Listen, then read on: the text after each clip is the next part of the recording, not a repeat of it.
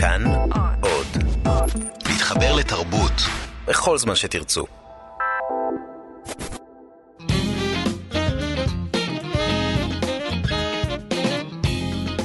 שלום לכם מאזינות ומאזיני כאן תרבות, אנחנו עם מה שקורה, תוכנית uh, הספרות של uh, ימי חמישי על ספרים שקוראים וספרים שכדאי לקרוא, בוודאי uh, לקראת uh, סוף השבוע.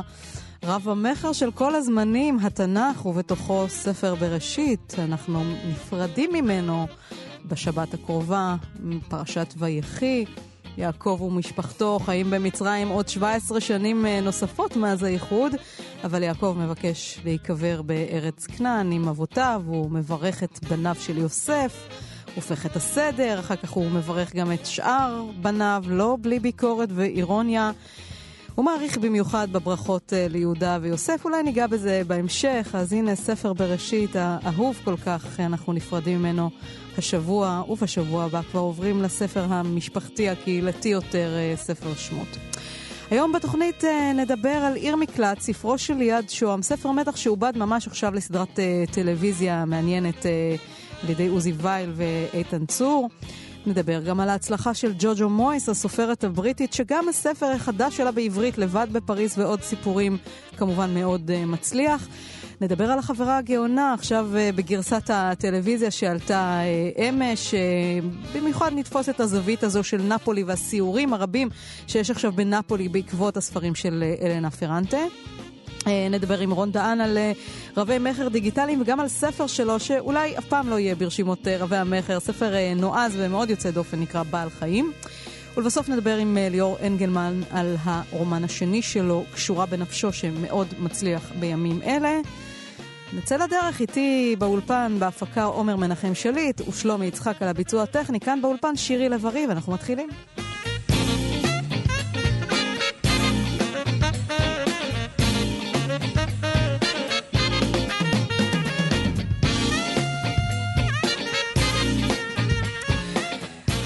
אז לפני הכל, אה, מבט ברשימות רבי המכר של השבוע. אז ברשימת רבי המכר של אה, רשת סטימצקי, שלוש של דרור משעני שעליו דיברנו בשבוע שעבר, אדל של יוכי ברנדס, כמובן ג'וג'ו מויס שאו-טו-טו נדבר עליה לבד בפריז ועוד סיפורים, וגם חנות הספרים של שבורי הלב של אה, רוברט הילמן וכמובן אשכול נבו, אלה בחמישייה הפותחת של ספרי הפרוזה.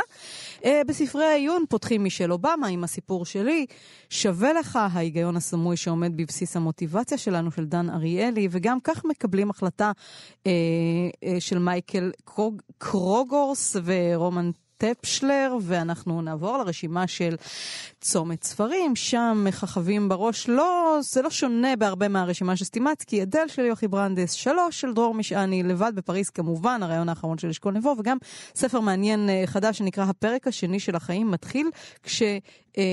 מבינים שיש רק פרק אחד של אה, רפאל ג'ורדנו, ומה שמעניין ברשימת אה, רבי המכר אה, בתחום העיון זה שספר שיצא מזמן מזמן, בשנת 2000, אבא עשיר אבא, אני בטח הרבה זוכרים אותו, והיה להיט של רוברט קיוסקי, שהוא אמריקני ממוצא יפני, חזר לרשימה, הוציא אותו מחדש. הספר הזה דיבר על האבא הביולוגי שלו, של קיוסקי, שהיה שכיר. הוא לא היה עני, אבל הוא לא ממש התעניין בכסף. ועל אבא של חבר שלו, שתמיד רצה להיות עשיר ולהיות בעל חברה ולא אה, שכיר.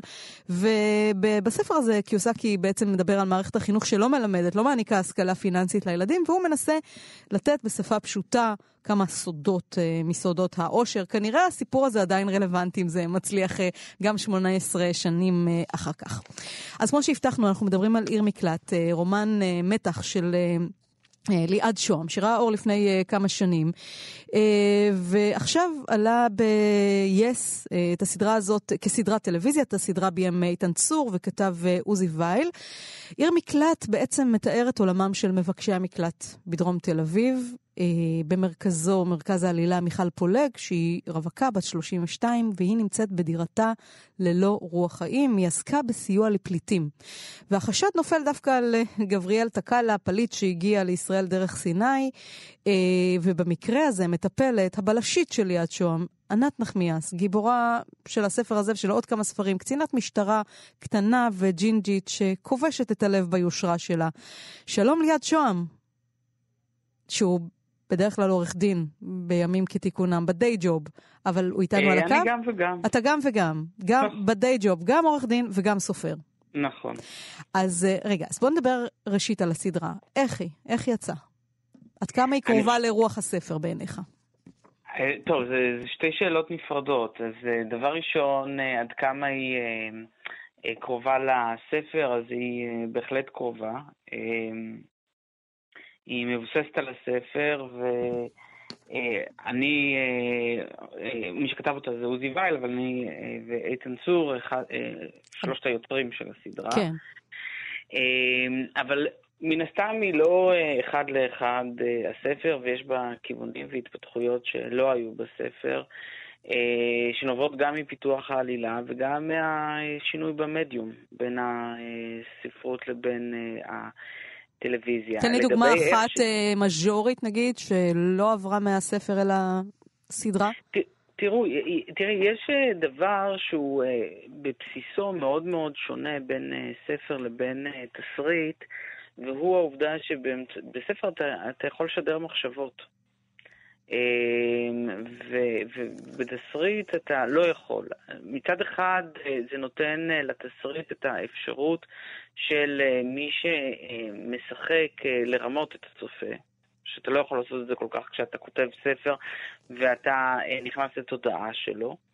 אה, מצד שני, אה, אתה צריך בתסריט להראות הרבה מאוד דברים שאתה כן. לא חייב להראות אותם בספר, לאור העובדה שאתה אה, כותב אותם. מחשבות. כן. כן. ליעד, ספרי המתח שאתה כותב הרבה פעמים הם חברתיים, והבלש, במקרה הזה הבלשית שלך, הם מין סייסמוגרף חברתי. זאת אומרת, דרכם אפשר לראות מה קורה בחברה הישראלית. הם עוברים בחצרות האחוריות ובכל מיני מקומות נעים ונדים, בכל מיני מקומות, גם בשוליים. אתה כתבת כבר על מערכת המשפט לא מעט ספרים, כתבת על משפחות הפשע, על רצח ביישוב דתי בחבל בנימין, כתבת על אם המושבות, על פתח תקווה, כביכול העיר הכי רגילה בעולם, על פוליטיקאים מקומיים, קרישי נדל"ן, משפחות ותיקות, ראשי ערים. בקיצור, כל מה שמרכיב את חיינו בישראל, ובספר הזה, מלפני כמה שנים, בעיר מקלט, אתה מדבר על הבעיה הכאובה של הפליטים, של מהגרי העבודה בדרום תל אביב. כן. אז איך אתה בוחר את הנושאים לספרים שלך? לפי מה שבוער פוליטית, חברתית? אז, אז זה נכון, דבר ראשון, אני, אני, מה שאני עושה, עשיתי בהרבה מאוד ספרים, זה באמת אה, להשתמש אה, בז'אנר של המתח כדי אה, לתאר איזושהי בעיה חברתית. ועשיתי את זה באמת עם מבקשי המקלט, עם התנחלויות, עם שחיתות מקומית, מערכת, מערכת המשפט, כפי שציינת. אמ, אני, עושה, אני בוחר את הנושא בדרך כלל אה, לפי נושא שמעניין אותי, אה, וגם אה, שהוא אקטואלי, אבל העניין של העניין הוא יותר חזק. והרבה פעמים אני בוחר גם נושאים שאני לא כל כך מכיר אותם. שיש לי אפשרות גם ללמוד עליהם, גם לבצע תחקיר עליהם וגם לעשות איזושהי אזהרה, כלומר לשבת מבחוץ ולהסתכל עליהם אה, כמישהו זר לתוך הסיטואציה הזאת. עכשיו, לגבי אה, עיר מקלט, זה באמת התחיל, את הספר כתבתי ב-2012, כאשר אה, זה מצחיק להגיד שהבעיה הייתה בשיאה, כי גם היום היא בשיאה, אבל היא הייתה קצת שונה, כי אז לא הייתה גדר, ובאמת היו אה, אה, אלפי אנשים שחצו את הגבול ממצרים אה, אה, לישראל, ואני זוכר שעמדתי אה, במסגרת תחקיר שעשיתי, הפגישה הראשונה הייתה עם קצין משטרה בתחנת, אה, בתחנה לוינסקי באמצע הגן, שמסביבנו יש הרבה מאוד אנשים שוכבים בשקי שינה כי אין להם לאיפה ללכת. מסודאן או מאריתריאה בעיקר? כן, כן, בדיוק. והוא אמר לי, אתה יודע, האנשים האלה שעכשיו אתה רואה, ממש ראינו אנשים שהיום חצו את הגבול והגיעו לישראל, הוא אמר לי, אתה יודע, אם אה, עכשיו מתבצע פה פשע ואני לא תופס את מי שביצע אותו בדקות הקרובות, הוא מבחינתי, אנחנו לא נתפוס אותו, כי האנשים האלה הם זרים בעינינו, אנחנו לא מכירים אותם, אין להם מקומות עבודה קבועים, אין להם משפחות. אה, אמצעי הלחץ שאני בתור חוקר יכול להפעיל עליך כאזרח ישראלי לא קיים uh, אצלם. יש גם בגלל בעיות שבהבחנת uh, תווי פנים בין גזע לגזע, אז גם בעיה לאתר אותם מבחינת uh, מסדרי זיהוי וכאלה דברים. ובאמת, אז חשבתי שיש פה פוטנציאל לסיפור מתח.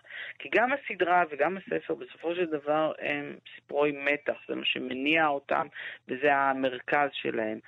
אה, אבל הם, כפי שאמרת, מתרחשים בתוך סיטואציה חברתית, אה, כאשר הרצח הוא הרבה פעמים נובע, לא, לא הרבה פעמים, תמיד נובע מהסיטואציה החברתית. כלומר, בסופו של דבר, תמיד כשאני עושה תחקיר, אני שואל את עצמי את השאלה, בסופו של דבר, מה אפשר את הרצח? ומה שאפשר את הרצח זה אותה סיטואציה חברתית שתיארתי, אותו כשל בסיטואציה החברתית שתיארתי. אז במקרה הזה זה באמת העוני והמצוקה שהם אה, אה, כלואים בה בתוך הגטו הזה של אה, דרום העיר. אה, לא, והר... משהו אחר. והרבה, והרבה מאוד אה, דעות קדומות אה, כלפיהם. כן, דווקא בעיר מקלט, הפתרון אה, שהגעתי אליו, אה, הוא, אה, ששאלתי את עצמי מה אפשר את, אה, את הרצח, הייתה, זה בלי לחשוף יותר מדי, כי באמת סדרות טלוויזיה, ספרי מתח, מה שרואים בפרקים הראשונים זה לא מה שיראה בפרקים האחרים, וכל הזמן המציאות מתהפכת ו- ומשתנה, אבל בבסיס העניין, אחד הדברים ש... ראיתי זה שהמדינה לא מטפלת בכל מיני צרכים. וכשמדינה לא מטפלת בכל מיני צרכים, אז מישהו אחר נכנס ומטפל בהם. אה, לצורך העניין, אם מדינה לא תאפשר לעשות הפלות, אז מישהו אחר יאפשר אה, כן. לעשות את ההפלות האלה. והוואקום הזה שמשאירה את המדינה, לפחות ב, ב, אה, בספר וגם בסדרה, הוא זה שיוצר חלק מה, מהכאוס שרואים. אז הנה כך אתה כותב, גבריאל הזיע למרות שבחוץ היה קר. הוא רץ הכי מהר שאפשר, ברח מדירתה של מישל לפני שהשכן יתפוס אותו ויזעיק משטרה. הוא לא התכוון בכלל להיכנס לדירה שלה, גם כשראה שהדלת לא נעולה ונפתחה כשרק נקש עליה קלות. גם אז עמד בחוץ וקרא לה. כשלא ענתה, חשב להסתובב וללכת. הוא הרי יפגוש אותה בעוד כמה שעות. אה, עודד את עצמו. כל כך מיהר להגיע אליה, לספר על, על, על, אה, על לידי, שלא חשב מה יאמר. אלא שאז שמע את השכן שטיפס במדרגות ואת נביחות הכלב. הוא לא רצה לעשות מהומה. מישל סיפרה לו על השכן המשוגע שלה, זה שצועק עליה כל הזמן. זה ששונא אפריקאים. הוא גם פחד קצת מהכלב, שנבח עליו בכל פעם שראה אותו. רק בגלל זה נכנס. זאת אומרת, אה, הוא עובר שם במקרה, כפי שאתה רומז פה בספר, אבל התיק אה, נופל עליו. לא נפרט נכון. יותר מדי. ליעד, בחרת בלשית, ענת נחמיאס, שיש בה יושרה ויש בה אומץ לב, והיא דמות מקסימה. למה דווקא דמות אישה, ואיך בנית את הדמות שלה? לפי מה? לפי תחקיר דמויות שראית של חוקרות משטרה? לפי אה, נהימת הלב שלך? אז ככה, אז דבר ראשון, באמת, אה, דווקא בספר הזה, זה הספר הראשון שבו ענת נחמיאס מופיעה, התחקיר אה, הוא שכיוון אותי לעבר דמות של אישה. כי ראית אחת כזאת? פשוט... כן, כן, כי ראיתי uh, כמה כאלה, והם מאוד מאוד uh, uh, הרשימו אותי. בסדרה משחקת אותה חני פירסטנברג.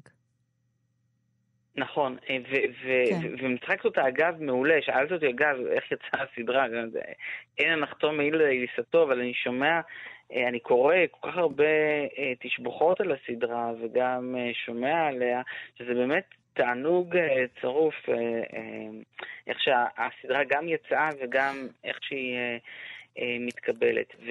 וחני משחקת את ענת האמת, בדיוק כפי שדמיינתי אותה. אז אתה יודע מה רגע, ליאת, לפני שתענה לי איך בנית את הדמות של אה, ענת נחמיאס, בוא נשמע רגע קטע מהסדרה. אוקיי. Okay. show me,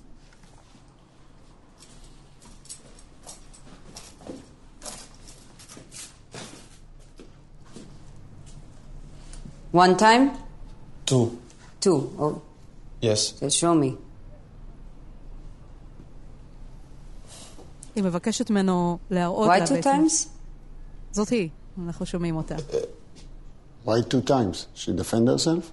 Yes, she defend. Okay, and? And, uh, and then she fall. אוקיי, ריקי, את יכולה בבקשה ליפול לרצפה? אז זאת ענת נחמיאס. אז, איך, אז. אתה אומר, פגשת דמות כזאת ש... במהלך התחקיר, שנתנה לך את הרעיון לבנות את הדמות של נכון, הבלשית לבנות שלך? אה, אישה, אבל בבסיסו, אגב, והדמות של ענת נחמיאס דווקא קצת, אה, אה, אה, דווקא שונתה בסדרה, ו, ויש לה היסטוריה משפחתית שאני לא כל כך רוצה לגלות אותה, שלא הייתה לה בספר. כן. אמ, ואני רציתי מישהי אה, שבסופו של דבר גם לא תהיה מישהי שהיא אה, מערכתית, וגם מצד שני אה, שיהיה לה את הרצון והסקרנות והאומץ אה, לחקור את הסיטואציה החברתית. אה, שתבין שלמשל בקטע שהשמעת, אה, יש איזשהו אה, ניסיון אה, אה, לשנות את, אה, את, ה- את, ה- אה, את השחזור ככה שיתאים לתזה של המשטרה באותו כן. הרגע. והיא לא מוכנה לעשות את זה. והיא גם לא מוכנה לראות את הדברים אה, כפי שהם, והיא רוצה להבין את המניעים שעומדים אה, מאחוריהם. אני חושב שזה משקף אה, הרבה מאוד אה, נשים, אה, וגם אה, בפרט אותה, אה, ש... ו- ואם נקשור את זה קצת לחני, זה, יש את המבטים האלה של האישה שהיא נכנסת לחדר והיא יודעת שהיא האישה הכי חכמה בחדר, אבל לא תגיד את זה לאף אחד. אה, ו- ומהמעשים שלה, והצופר, הקורא, מבין את ה... את האינטליגנציה, ה- אה, גם האינטלקטואלית וגם הרגשית שעומדת מאחורי הדמות הזאת. אתה יודע, אתה קראת לספר וגם לסדרה עיר מקלט, זאת אה, סדרה ממש לא אסקיפיסטית במובן הזה שהיא באמת אה, לא מרככת את העולם שסביבנו, והיא מראה לנו את כל הבעיות שלנו, ותל אביב בכלל לא נראית כאן כעיר מקלט. עד כמה אתה, דיברנו בתחילת השיחה זה שאתה גם עורך דין וגם אה, סופר, עד, ואתה מתמחה במשפט מנהלי או מסחרי, עד כמה העבודה שלך בתחום המשפט כעורך דין משרתת את הספרים שלך? אז זה, זה קצת מורכב, היא משרתת ולא משרתת. כלומר, אני, אה, אה, גם בגלל חיסיון עריכת אה, עורך דין לקוח, וגם מכל מיני סיבות אחרות, אני לא כותב על הדברים שאני מתעסק בהם. יש אצלי ממש הפרדה מוחלטת בין למרות שאני מניחה שיש אצלך ים של תיקים מרתקים שכל אחד מהם הוא ספר. אולי, אבל בכל מקרה, עליהם אני לא אכתוב, אני באמת אה, מנהל הפרדה מוחלטת בין אה, שני המקצועות שלי, שכפי שאמרתי לך בהתחלה, הם, אה, אני רואה אותם כשווי ערך גם וגם. אה, ויש עוד יתרון לכך שאני לא כותב על מה שאני עושה, זה עוד פעם אותו נושא שדיברתי עליו, של אותה הזרה, שמאפשרת לראות את הדברים קצת מרחוק. מצד שני, אני חושב שהעובדה שאני עורך דין ולימודי המשפטים אפשרו לי להבין, חלק, אה, להבין בצורה יותר מהירה חלק מהדברים שאני מתעסק בהם, את, ה, את שיקולי המדיניות שיש בזה, את איך מערכות הגדולות האלה עובדות, את הקונפליקטים ששוטרים, פרקליטים מתעסקים בהם. אז אה, אני לא כותב על מה שאני עושה, אבל בהחלט אני משתמש ב, בידע המקצועי שלי לצורך אה, אה, הכתיבה. אתה חושב שיהיו עוד ספרים שלך שיעברו לטלוויזיה? אני מאוד מקווה. יש משהו על תהיה. המתבשל? אה, אה, אה, כל הזמן יש דברים שכן, אולי כן. אני, אני, זה, זה בהחלט, זה בהחלט חוויה אה, מדהימה אה, לראות אה, דברים שאתה אה, כתבת אותם ודמיינת אותם, ודמויות שאתה יצרת. אה, פתאום מקבלות אה, אה, קרומות עור וגידים, מדברות, נושמות, משחקות, ו- ו- ולשתף אותם עם, עם עוד אנשים. אז מה- אני בהחלט מקווה שזה יקרה. ומה פוטנציאל המכירה של סדרה כזו, או של סדרות שיבואו בעקבות הספרים שלך לחו"ל? עד כמה זה יכול... כי, כי יש משהו שנראה מאוד אוניברסלי בסדרה הזאת. זה ממש השפה הטלוויזיונית היא שפה בינלאומית. בכל זאת, יש בה משהו ישראלי, אבל בקלות היא יכולה לעשות חייל בחו"ל, לא? כן, אז דבר ראשון, עיר מקלט אה, תורגמה כבר לאיזה שש אה, שפות. הספר, ובאמת, כן. אה, ובאמת הספר התקבל מאוד מאוד יפה במדינות אחרות, בין היתר בגלל שזה באמת מתאר בעיה שהיא לא אה, רק ישראלית, להפך, אולי אפילו יש כאלה שיאמרו ש, שישראל ספגה מהבעיה העולמית ממש אה, מכה קטנה בכנף. כן. לעומת מה שמדינות אחרות נאלצות להתמודד איתה. טוב, אתה ענית לי כמו עורך דין זהיר ולא ענית על מכירת הזכויות לחו"ל בעצם, של הסדרה הזו. לא, של, הספר כבר כן. נמכר. לא, ב... של, הס... של הסדרה שת... של הסדרה, כן. אני חייב לאכזב אותך, אני פשוט לא יודע, עוד פעם, אני... כן. הסדרה לא שייכת לי בניגוד לספר. כן. אני מאוד מאוד מאוד מאוד מקווה שהיא תימכר. אני, אני חושב שיש לה פוטנציאל מאוד מאוד גבוה, אבל אני... לשמחתי, לצערי, אני לא עוסק בזה. בהחלט ככה זה נראה שיש לה פוטנציאל אה, גם לדבר על אנשים אה, ברחבי העולם. עיר מקלט, סדרה חדשה שעלתה ב-yes, אה, עוזי וייל, איתן צור וליעד שאום, הסופר שכתב את הספר. תודה ליעד על השיחה הזו. תודה רבה לכם. להתראות. להתראות. תודה לך.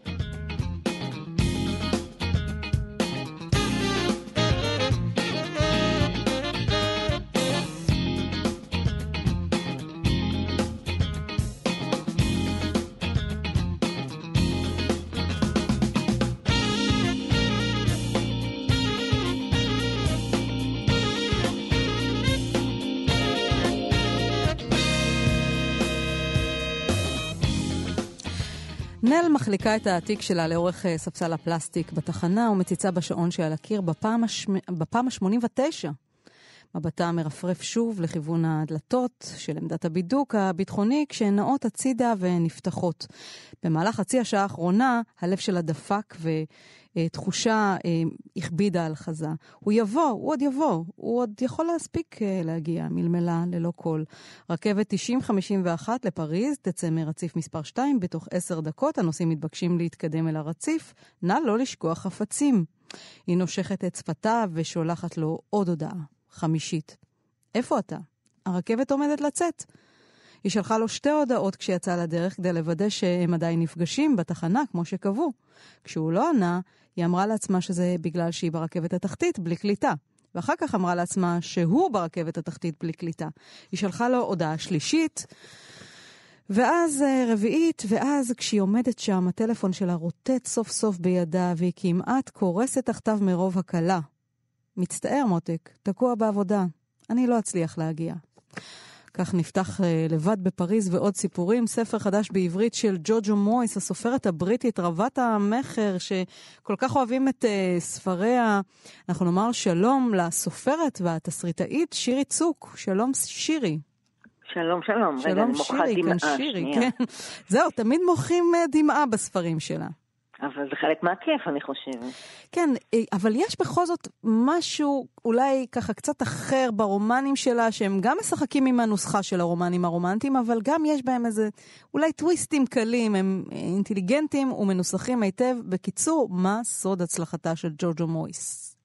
קודם כל אני רוצה להגיד שאם הייתי יודעת מה סוד הצלחתה של אה, ג'ורג'ו מויס, אז עכשיו אני בעצמי... מיד היית משחזרת את זה ו... בדיוק, הולכת לכתוב שלל ספרים נוספים. אה, אבל היא כותבת באמת אינטליגנטי, אני חושבת שזו המילה, כי יש הרבה רומנים רומנטיים, בעיקר אלה שהיו פעם, אבל גם היום, בעקבות אה, אה, 50 גוונים, שהם לא נורא מתייחסים אל הקורא בתור מישהו אינטליגנטי. וכותבים משהו שהוא נורא קלישאתי. עכשיו, היא הולכת בזהירות סביב הקלישאות, והיא מצליחה לגרום לנו לא לנחש בדיוק איך זה יקרה. מה יקרה אנחנו בדרך כלל יודעים, כי זה בסופו של דבר ספר רומנטי, אז אנחנו מצפים לסוף טוב. למרות שלא תמיד הסופים הם טובים אצלה, אני חושבת שהסופים נשארים כאילו מתוק, מתוק חמוץ כזה, או מתוק מריח כזה. נכון, זה היא גם מרשה לעצמה לפעמים לעשות. אבל אתה יודע שאותה דמות של הגיבורה, שאותה אהבת לאורך כל הספר, יהיה לה טוב. גם אם במקרה היא לא יהיה לה טוב עכשיו עם הגבר הספציפי, אתה יודע שמה שהיא קיבלה מהחוויות איתו, ייקח אותה למקום טוב יותר בחיים. עכשיו, יש לה איזה קו של גיבורות אה, שהן לא עשירות, הן בדרך כלל אה, לא מיוחדות מדי, והן בדרך כלל גם נשים עובדות רגילות, כאילו רג, גיבורות רגילות, אולי במסורת הזאת של אה, ג'ונס. רגע לפני שאני אשאל אותך על הגיבורות, נספר שבעצם ג'וג'ו מויס אה, נולדה בלונדון, היא בת כמעט 50, היא סופרת ועיתונאית. אה, היא זכתה פעמיים בפרס הרומן הרומנטי של השנה של התאחדות אה, ספרי הרומנים הרומנטיים בבריטניה, והיא הפכה לסופרת במשרה מלאה ב-2002 אחרי הספר הראשון שלה, גשם מחסה, אה, ואחריו היא כתבה המון להיטים. זאת אומרת, עד ללכת בדרכך, שגם עובד לסרט קולנוע מצליח, היא הייתה סופרת אמצע הדרך, אבל ללכת בדרכך ממש כבר מיקם אותה בתור אה, אה, סופרת מצליחה, נגיד את זה ככה. אחר כך באו הנערה שהשארת מאחור, אחד ועוד אחד, החיים אחריך. ממשיכה בדרכי, ולאחרונה הזכרנו את לבד בפריז ועוד סיפורים, וקצת לפניו יצאה ספינת הקלות. יש לה קוראות מושבעות, אני אומרת קוראות, יכול להיות שגם כמה גברים קוראים אותה. ויש לה גיבורות שנדמה לי שהן ככה מתגלגלות מספר לספר, גם אם כל פעם הן נקראות בשם אחר ויש להן כאילו אורח חיים קצת אחר. זה נכון. אה, אני חושבת שכל סופרת שכותבת על נשים מכניסה בהם הרבה מאוד ממה שהיא. זאת אומרת, הרבה תחושות, אה, הרבה, כל בעיה שלסופרת יש במערכת יחסים, אז את יודעת, מיד ברקע היא אומרת, אוקיי, אני אתן את זה לגיבורה הבאה שלי. ולכן כל, הסופ... כל הגיבורות הן בעצם היא. אה, בנוסף, היא הולכת איתם על הגבול של מישהי שהיא לא מושלמת, אבל יש לה איזשהו פגם שבמהלך הספר היא תכיר בו ותשפר אותו, ומישהי שצריכה להיות נורא lovable, כמו בריג'יט ג'ונס בזמנו. ונשים שמכירות בחסרונות שלהם, ולא עומדות מול הראי ואומרות, אני הכי יפה בעולם, אלא עומדות מול הראי ואומרות, אני מקווה שהוא לא יראה את החצ'קון הענק הזה, הן מעוררות אמפתיה הרבה יותר לקוראות הרגילות, כי כולנו גם חוות את אותן בעיות. אז אולי אה, הזכרנו את ברידג'יט ג'ונס, ואנחנו מדברות על הגיבורות של ג'וג'ו מויס, אבל שתיהן יונקות מהאימא הרוחנית שלהן, שהיא ג'יין אוסטין, שגם לה היו גיבורות נשים, שנראה שהיו כמה קווים מאפיינים בין כולן כמעט, אה, וגם הן היו כאלה לא מושלמות. אמנם לא נשים עובדות, אנחנו מדברים על תקופה אחרת, mm-hmm. אבל גם הן היו כאלה שאפשר לזהות בהן את הפגם ה... אה, לא אגיד מוסרי, את הפגם האישיותי ולחבב אותן. כן, ומה שיפה זה שבאמת היום עושים, קרטיס אה, סיטנפלד עשתה לא מכבר אה, עיבוד לספר של ג'יין אוסטן, וכל כמה שנים יוצא עוד איזה סרט שהוא מעובד על הבסיס, כי ג'יין אוסטן בעצם טבתה את התבנית המקורית של אהבה, אה, צורך בעניין עם הגבר שאת עומדת להתחתן איתו, וצורך בכסף, כי באנגליה כל נושא המעמד הוא הרבה יותר רציני מאשר אצלנו, והם באמת המשיכו בעקבותיה של ג'יין אוסטן. אז עכשיו נשאל לגבי ג'ורג'ו מויס את שאלת השאלות, פמיניסטית או ויקטוריאנית? עד כמה הגיבורות שלה הן פמיניסטיות, עד כמה הן מחכות שיבוא הגבר ויושיע אותן? זו שאלה מאוד מסובכת, כי יש תשובות לכאן ולכאן. Um, לדעתי, היא פמיניסטית, אבל אופטימית. פמיניסטית שמאמינה שלאישה מותר להישען על הגבר שלה, אבל בסופו של דבר היא לא חייבת אותו. וזה ראינו למשל בללכת בדרכך, וגם בלבד בפריז. אם כי הרבה פעמים כשהיא לא הולכת, כשהיא מפסידה גבר אחד, היא משיגה גבר אחר. אה, אבל עדיין היא אישה בזכות עצמה לדעתי. אז uh, הזכרת את ללכת בדרכך, אולי תספרי עליו קצת מה אהבת בו. היא הוציאה uh, הרבה מאוד ספרים, אבל עם הספר הזה, שהיה תשיעי במספר שלה, היא uh, זכתה להצלחה וגם לביקורות טובות בניו יורק טיימס ובגרדיאן. היא, היא אמרה באיזה ריאיון uh, באייריש טיימס, היא אמרה, דשדשתי במשך שנים. אורחים אהבו את העבודה שלי והיו ביקורות טובות, אבל שום דבר לא התרומם מבחינתי. הגעתי לנקודה, אחרי שבעה ספרים, שבה אמרתי לעצמי שאולי זו אני, אולי אני לא כותבת את סוג הספרים שאנשים מעוניינים לקרוא, ואין הרבה מה לעשות עם זה. אבל הנה הגיע הספר התשיעי, והיא פתאום כתבה ספר שאנשים אוהבים לקרוא. אז מה אהבת בללכת בדרכך, שכאמור גם היה סרט קולנוע מצליח? כן, אבל אה, אני חושבת שהוא מאוד דומה הספר הזה באיזשהו מובן לאישה יפה, שזה הפנטזיה האולטימטיבית של סינדרלה. אישה שהיא לא הכי יפה בעולם, ולא הכי עשירה בעולם, והיא עושה, והיא עובדת בלית ברירה עם אה, בחור שהוא משותק בארבע גפיים, ואיך לאט לאט הוא משנה אותה והופך אותה לאישה המדהימה שהיא תמיד יכלה להיות. ודווקא פה אני חושבת, על הספר הזה ספציפית, תמיד הייתה לי את הביקורת, שבסופו של דבר מה שקורה, זה שהסיבה היחידה שהבחור הזה מסתכל עליה, זה שהוא משותק בארבע גפיים. זאת אומרת שאם ברור. הוא היה במצב רגיל, לא, היה, לא ייתכן ביניהם קשר. לא בגלל הפער המעמדי. הזה. בדיוק, גם המעמדי, אה, וגם מבחינה, את יודעת, נותנים ציונים, היא לא הייתה בליגה שלו, אז הוא צריך לרדת שש ליגות למטה בגלל, בגלל השיתוק, ורק אז היא יכולה לעשות. אז זה קצת מבאס מבחינת המסר. זה קצת מבאס. החברתי. אני חושבת שבספרים, בעיקר בספרים כאלה, זה ספרים שאתה לא קורא אותם בשביל המסר החברתי. אתה רוצה, תקרא עיתון בשביל המסר החברתי. את צודקת, שירי, אבל יש משהו בכתיבה של מויס, וכנראה קשור במסורת הכתיבה הבריטית, שכן מתעסק עם פערים חברתיים. בגלל שזאת הייתה חברה מעמדית כל כך הרבה שנים, עדיין היא לוקחת את, ה, את הנושא הזה, את הפער הכלכלי בין אנשים, את הפער החברתי, זה עדיין מאוד נוכח. זה נוכח, זה נוכח גם במקומות אחרים, אבל באמת בספרות בריטית זה נוכח יותר.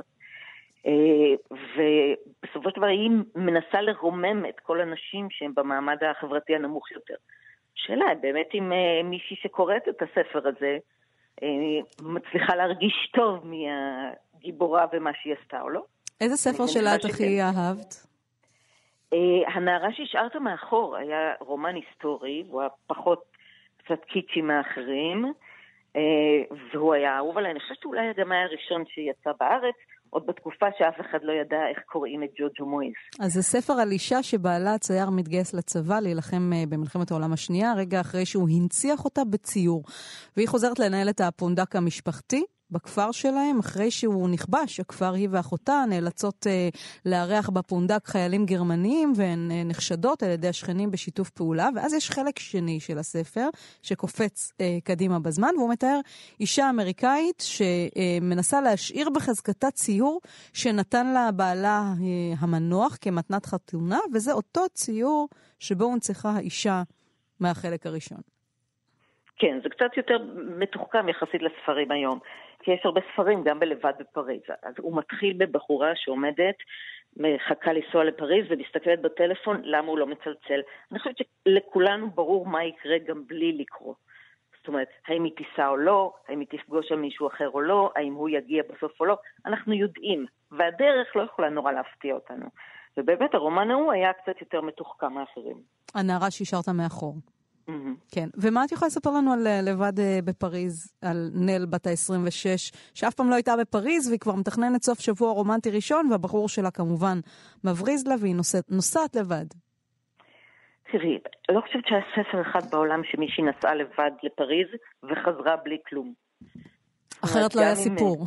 בדיוק. בפריז אתה רואה גם על העטיפה את הזוג המתנשק, את מגדל אייפל, אז כן, אז כיוון שאף פעם לא היית בצרפת, אז כבר יש איזה קידום בחיים, היא מגלה דברים חדשים.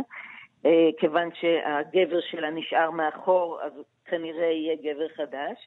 ומה שנחמד בספר זה שיש באמת לבד בפריז סיפור אחד, ויש עוד איזה אה, חמישה-שישה סיפורים, אני חושבת, קצרים יותר, שגם הם מאוד נוסחתיים, אבל מהנים. זאת אומרת, הגיבורה כמעט תמיד בסוף השיגה משהו ואת יכולה להזדהות איתה. Uh, שירי, רגע לפני סיום, נספר על ספר שלך שבעצם רואה אור uh, מחדש, מין חידוש לספר שכתבת uh, לפני כמה שנים, 15 דקות, ועכשיו הוא נקרא רגע ל-30, וגם שם יש גיבורה שעוד רגע חוגגת 30, אולי קצת כמו הגיבורה של ג'וג'ו מויס, בלי עבודה, בלי חבר, בלי כיוון, ויש לה כמה משימות עד רגע של ה-30. כן.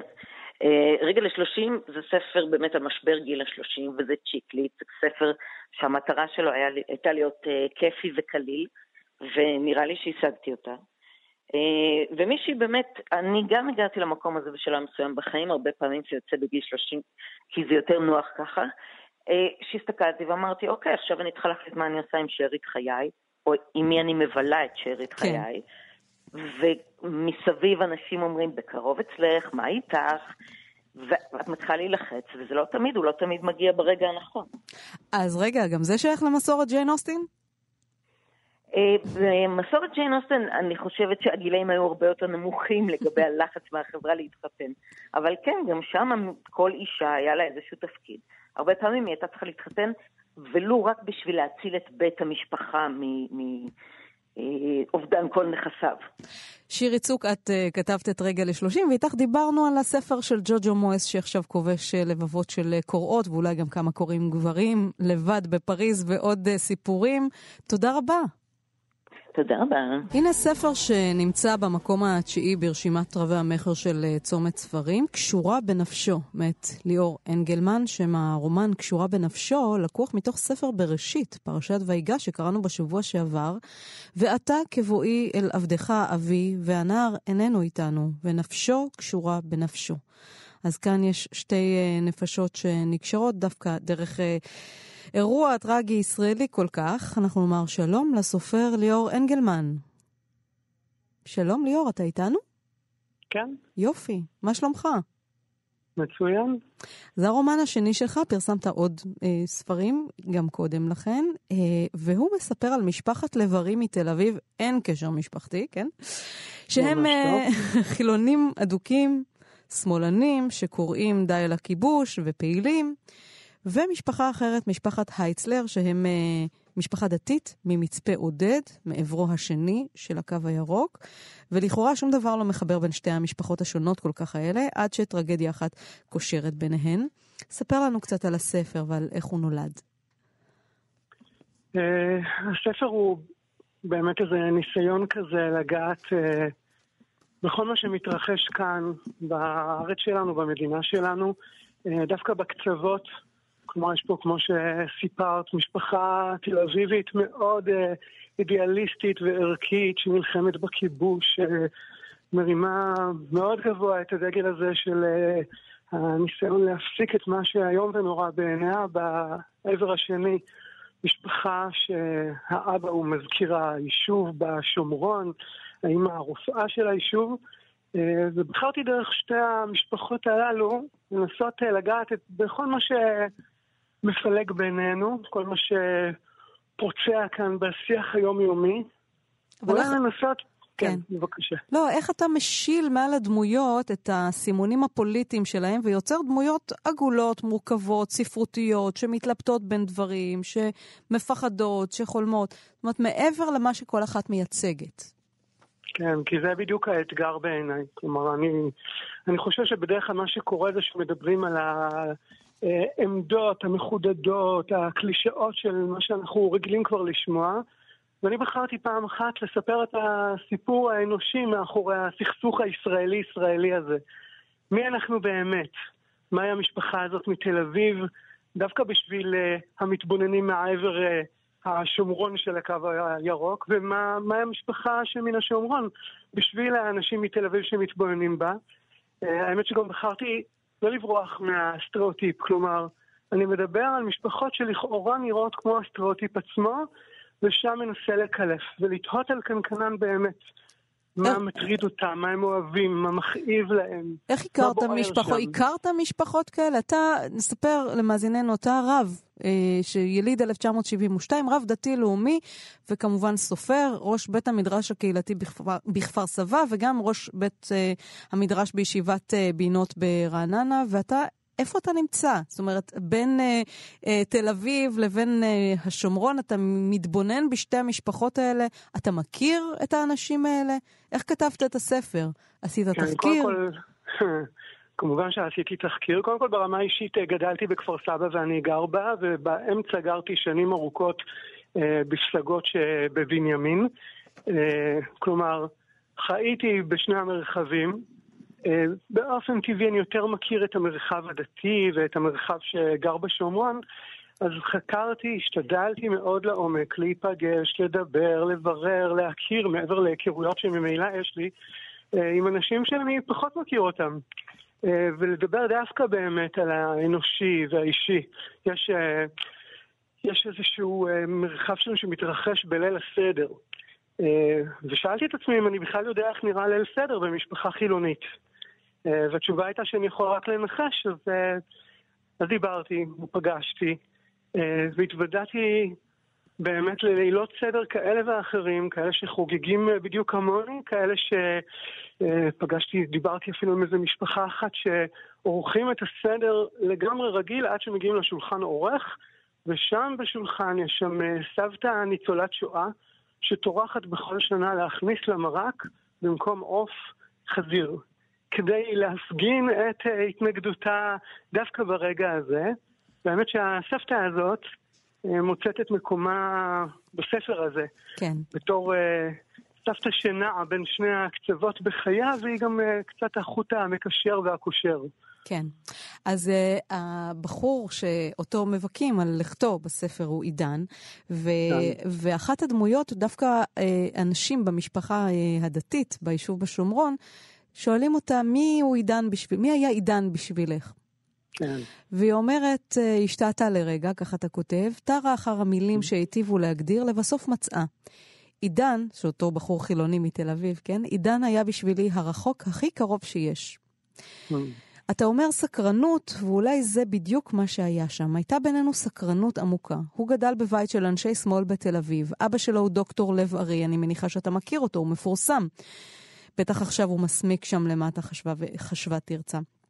עוד אה, עד השירות הצבאי שלו, הבית שלי היה בשבילו חוץ לארץ, שטח כבוש. כמעט לא פגש אנשים כמוני. גם אני, למען האמת, לא ממש הכרתי את ההוויה התל אביבית. היא הייתה בשבילי מין עיסה תרבותית שמתרשמת מכל מה שזר לי ומתנכרת לכל מה שקדוש לי. שנינו דיברנו עברית, אבל חשבנו בשתי שפות שונות. בהתחלה הוא סירב להתארח אצלנו, היחיד שלא הסכים מכל הפלוגה. אתה צריך להבין, היא אמרה אה, לסתיו מירון, בשביל שחייל יעדיף ארוחה צבאית בשבת חורפית על פני סעודה חמה אצל משפחה, צריך שיהיה משהו מאוד עמוק שיגרום לו להירתע. ואז היא אומרת, בכל זאת, כן, הוא הגיע אליהם בסוף, אל, ה, אל היישוב, אל המשפחה, mm-hmm. והיא אומרת, זה קרה לאט לאט כשהצלחנו להשיל את כל התחפושות שבאנו איתן מהבית, כשהצלחנו לראות מעבר. הוא הצליח לנצח את המחשבה הטיפשית שאני מכוונת שעון מעורר לשעת, לשעות הקטנות של הלילה והולכת לעקור עצי זית של ערבים. ואני הצלחתי להבין שהוא ציוני לא פחות ממני, למרות שהוא מחבה, מכנה את הבית שלי שטחים. ליאור. אז, כן. אה, אז זה להשיל את המחיצות בעצם, דרך הדמויות האלה. מה לדעתך כן, תופס את הקוראים שלך שהפך את הספר לכל כך מצליח עכשיו, בשבועות האלה? אני חושב שאנשים באמת מחפשים את הסיפור האנושי מאחורי כל הדעות המחודדות. אני חושב גם שלי יש איזו תחושה כזאת, שאנשים קצת מאסו ב... אה, בשנאה הפנימית, בכיתוב הפנימי, רוצים לשים את זה על השולחן, רוצים לברר, לשמוע את הסיפור שלנו, אה, אבל גם אני חושב שרוצים תקווה ואופטימיות. אה, כך תחושתי. את יודעת, אני אתמול קיבלתי איזה מייל מרגש, אני משתף אותו כי קיבלתי אישור לשתף מפרופסור אסא כשר, שלא צריך להציג אותו. אה, והוא הוא, הוא אב שקול, והספר הזה עוסק בשכול, אה, ומשהו ככה תפס אותו ודיבר אליו, זה גם אה, ציור השכול בתוך הסיפור הזה, אבל גם נקודת התקווה. אני חושב שכולנו מדברים על ה... קצת בשפה של ייאוש, מרבים לדבר על הקיטור והניכור ומה יהיה ומה יהיה ואולי לא יהיה, ולפעמים יש כאלה שמנגנים מנגינות של חורבן בית שלישי. הספר הזה דרך הסיפור, דרך המפגש האמיתי בין האנשים, שאני הייתי מקווה שיקרה גם במציאות, הוא נותן תקווה שיהיה פה משהו אחר. השאלה אם מפגש ש... כזה יכול להתרג... להתרחש גם בלי טרגדיה, בלי המוות באמצע. כן, זאת שאלת השאלות. אה, אולי, אולי קריאת הסיפור היא ככה, במקום לחוות טרגדיה, בוא נעשה את זה דרך סיפור. ספרות, אה, כן. זאת שאלה מאוד טובה. אני מאמין שכן. כלומר, לי יש תחושה שלא התכנסנו לפה אחרי אלפיים שנות בשביל uh, להיקרע זה מזה. כן. אני, בתחושתי, באנו לפה כדי להתחבר בלי טרגדיה. אה, שנפשותינו ייקשרו כ... ככותרת הספר שלך, קשורה כן, בנפשו. קשורה בנפשו. ליאור, אנחנו דיברנו על זה שאתה גם אה, רב, וכתיבת פרוזה של אנשים שהם אה, מכהנים כרבנים, אה, היא לא דבר שכיח כל כך. אולי הרב חיים סבטו ככה קצת הראה את הדרך בשנים האחרונות. כן. נכון? אה, זה נכון, אה, האמת. אתה מרגיש שיש איזה פער בין שני הכובעים שלך כסופר וכרב? תראי, בואי, בואי נניח רגע לרב בצד, אני לא מתייחס אליי כך, אני מוכן לדבר כאדם אוהב תורה, לומד תורה, מלמד תורה, בסדר, נדבר ברובד הזה.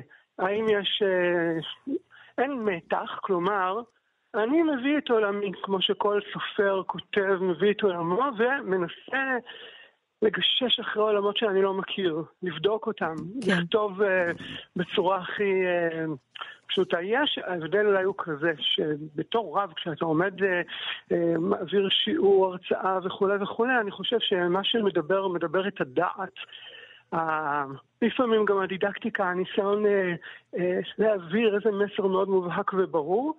אני חושב שכשאתה עוסק בפרוזה, אתה משחרר, אתה כותב ממקום אחר, מהלב. אה, מחופש, אה, אבל בסופו של דבר זה אותו אדם. אה, כמו שכל סופר בעיניי זה, כן. זה עולמו ואישיותו והגישוש הספרותי שלו. ליאור, אם אנחנו כבר כאן, אולי משפט אחד על פרשת ויחי, שאיתה אנחנו נפרדים בעצם מספר בראשית. Hmm. מסיפורי כן. היחידים, האינדיבידואליסטים, האנשים החושבים האלה, שהם גם כמובן היו חלק ממשפחה ומחברה, אבל הנפש שלהם כל כך פרוסה לפנינו. כן, לגמרי. אנחנו מדברים באמת על הפרשה הזאת שבה יעקב אבינו רגע לפני שהוא אה, נפטר, מזהה כל אחד מהילדים מה הנקודה המיוחדת שלו. חושב שהוא מספר קצת, אה, הנשיא ריבלין דיבר על ארבעה שבטים, אבל אה, יעקב אבינו דיבר על לא פחות משנים עשר. אה, הרבה גוונים וצבעים, ואני חושב שמה שעשה יעקב באומץ בסוף חייו, זה דווקא לא לייפות, אין שם שום פוליטיקלי קורקט בפרידה שלו. כן. הוא מישיר מבט לכל ילד ואומר לו, זאת הנקודה שלך, זה היתרון שלך, זאת גם החולשה שלך.